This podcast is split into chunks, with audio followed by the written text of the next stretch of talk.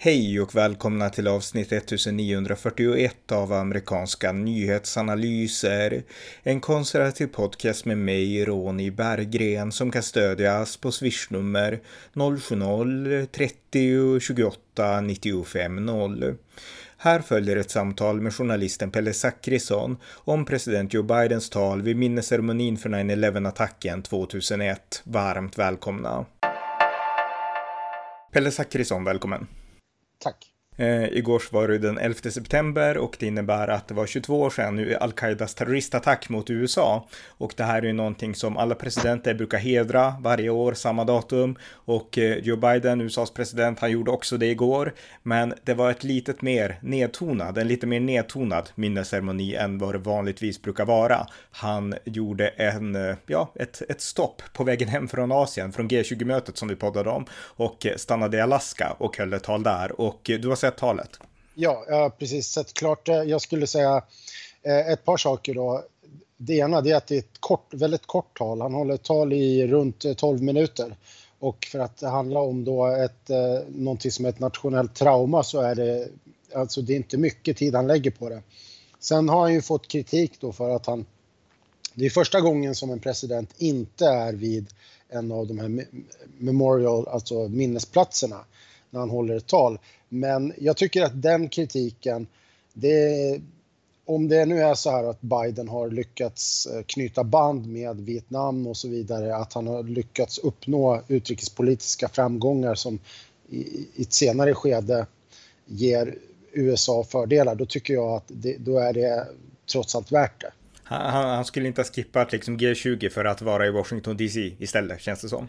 Nej, eh, han hade nog hunnit tillbaka, men det är ju stoppet i Vietnam som han har fått kritik för. Och, och det tycker jag från republikanskt håll, nu är ju inte alla republikaner eller all högermedia som är på honom om det, men, men jag tycker att det är det är en, en, um, lite, det är en kritik som är lite klen tycker jag faktiskt. Mm.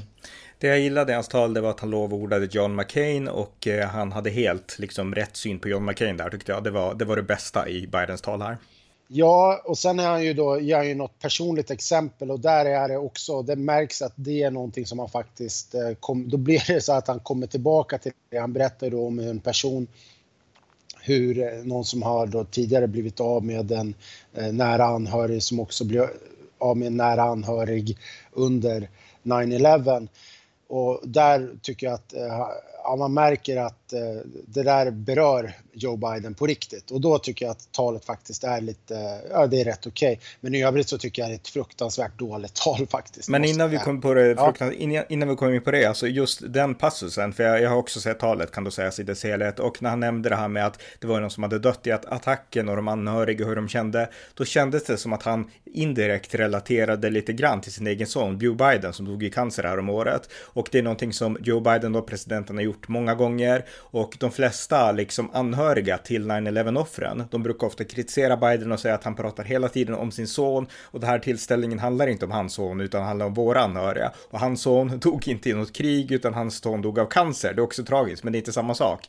Så att eh, det är en kritik som ofta brukar framföras och nu har jag inte läst så mycket om just om den formen av kritik framkom mot det här talet, men, men jag tyckte att han var inne på liksom, eh, han vill alltid relatera allt till sin son. Ja, men i den berättelsen så gör han ju också, det är väldigt mycket, handlar väldigt mycket om han, nu har jag precis sagt att det där blev bra, men, men det handlar väldigt mycket om han själv också och eh, han säger också under talet att jag vet hur ni, hur ni känner det. Men det, det är ett sånt där uttalande som Joe Biden inte ska komma med för att han har inte och då är ju, det är det, jag tror att det är det du menar med mm. när, att han drar in Bo Biden som han för övrigt då i olika, i något sammanhang så har han ju antytt att Joe Biden, eller Bo Biden då, hans cancerdöde son, att han dog i strider. Vilket han inte gjorde, utan han dog ju i cancer. Mm. Ja, precis. Men okej, okay, du sa också att du tyckte talet var, var, dåligt och jag har en specifik punkt som jag vill prata om ja. som jag tyckte var fruktansvärt. Men har du något övergripande, något annat? Ja, men det är övergripande, det är ju att den som har skrivit talet, intrycket är att den här personen förstår inte vikt, hur Eh, den förstår inte vad 9-11 betydde och vad att 9-11 var, det var islamistisk terror, en terrorattack mot USA och istället för att prata om det och så eh, George W Bush, han hade kanske målat upp det som den här, liksom, den här mörka, hemska fienden kontra det goda USA. Och liksom vi mot dem.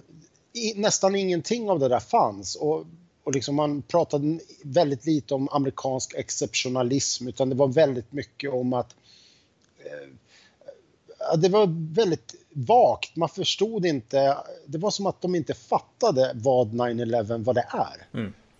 Exakt, och eh, jag skulle säga att eh, på tal om det då innan vi kommer in på det som jag tycker är allvarligast, men eh, jag håller med och jag menar Barack Obama var den som startade det här. Jag menar George W. Bush, han hade blick, blicken i, i sikte så att säga. Han, han, visste vad han ville. Han visste att det här var islamisk terrorism. Han pratade om det ofta. Sen kom Barack Obama in och han började relativisera på en gång. Han fick frågan om han tyckte. Tror du på amerikansk exceptionalism? Fick han en fråga på sitt första NATO-möte när han blev president 2009 och Joe Biden var då vicepresident och Barack Obama svarade att jo, men jag tror tror väl på amerikansk exceptionalism på samma sätt som greker tror på grekisk exceptionalism och så vidare. Det vill säga att allt är relativt och är man en amerikan så tror man väl på USA, är man svensk så tror man på Sverige, liksom tänkte han då. Så att en relativisering började ju redan där och då. Sen kom Trump och gjorde lite comeback, men, men alltså demokraterna är dåliga på att liksom fatta de här ideologiska skiljelinjerna. Och ja, det som, jag, ska, mm. jag ska ta upp en grej i det här talet och, och det är på något sätt sätter fingret på den här oförståelsen. För problemet här det var ju att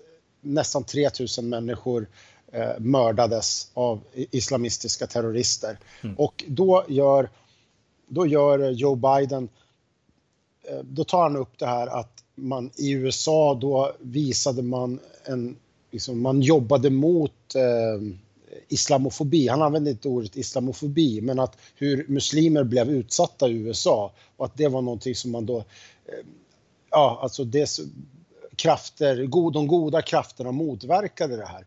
Det finns absolut en, en tid och en plats att prata om att man ska motverka eh, rasism och eh, fördomar.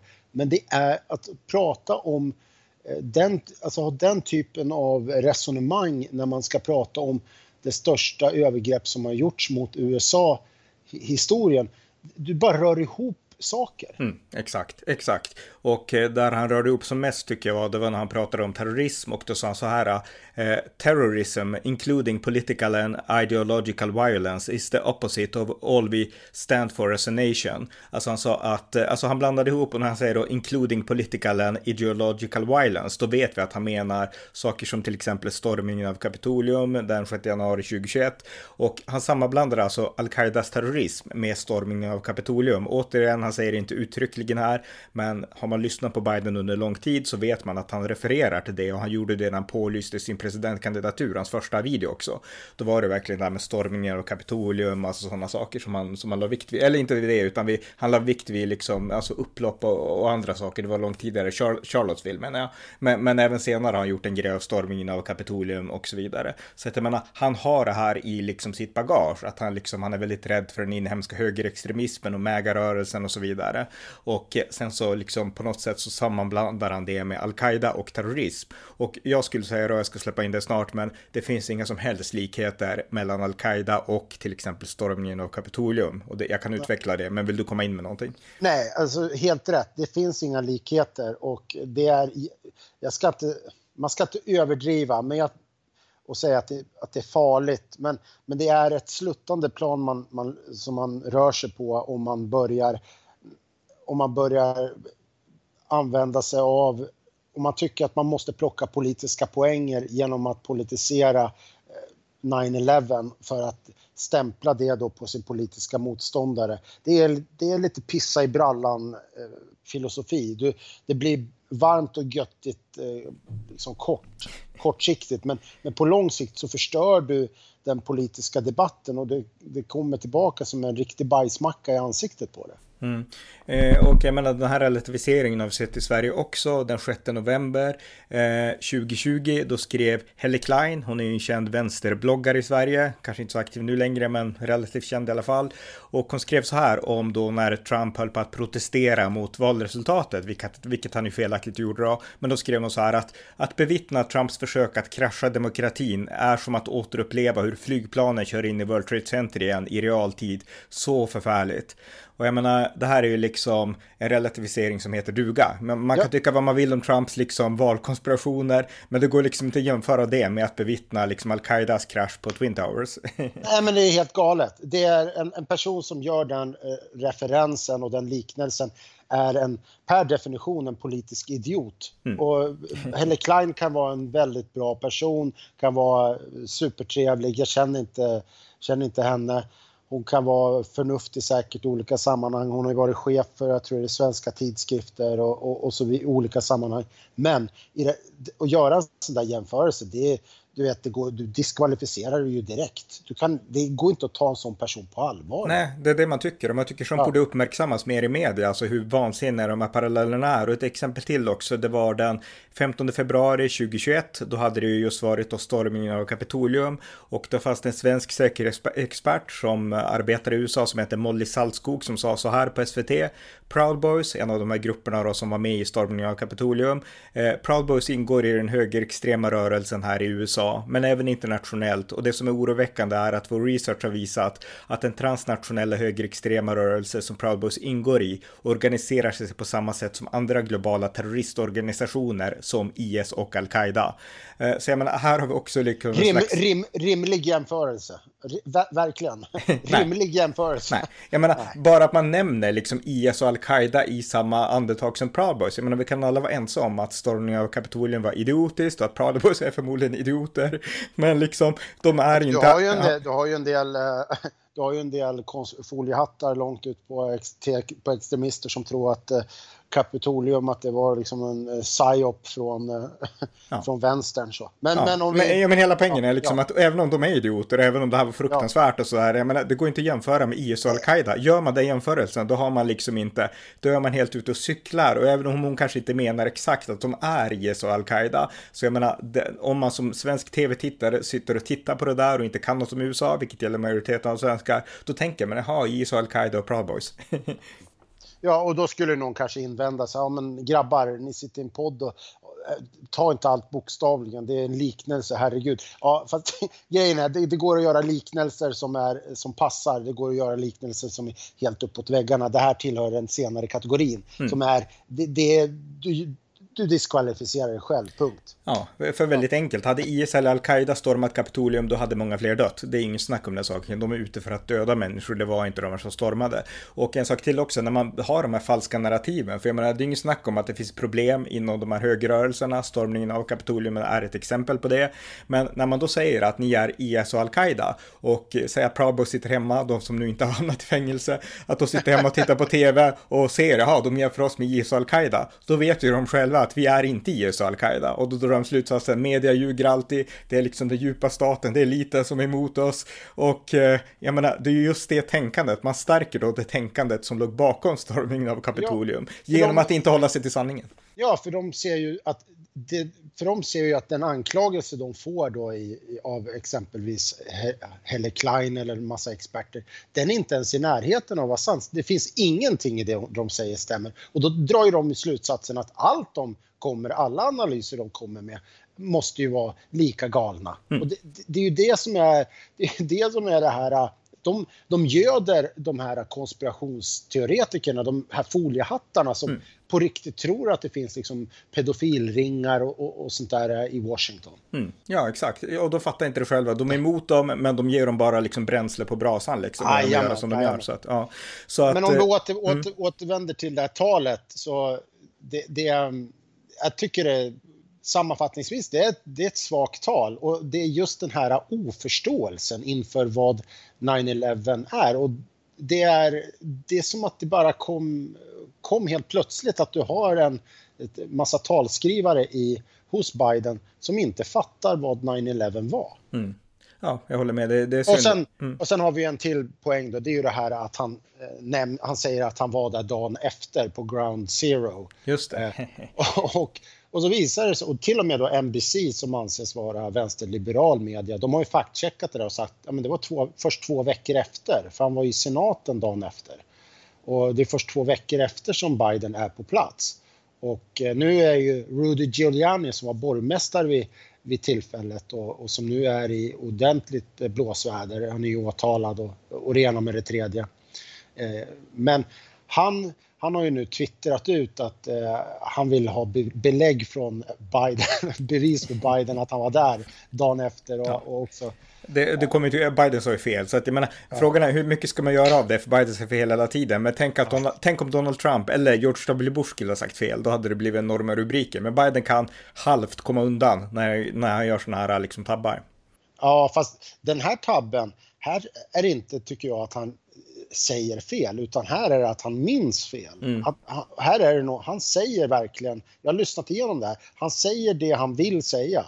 Det är inte så att han råkar, som fanns under talet, då säger han 200 eh, istället för 2000, sen rättar han sig mm. Ja, han minns fel, du har rätt, ja, helt rätt. Han, han minns, minns fel. fel. Och, och det, det, är ju alltså världens mäktigaste man som, som in, inte kan komma ihåg det här och då har det dessutom gått genom en talskrivare.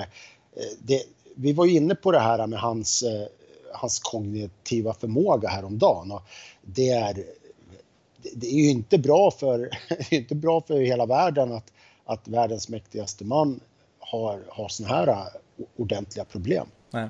Så att äh, för att sammanfatta av alla så här minnesceremonier för 9-11 så var det här förmodligen det sämsta som har hållits under de här 22 år som har gått.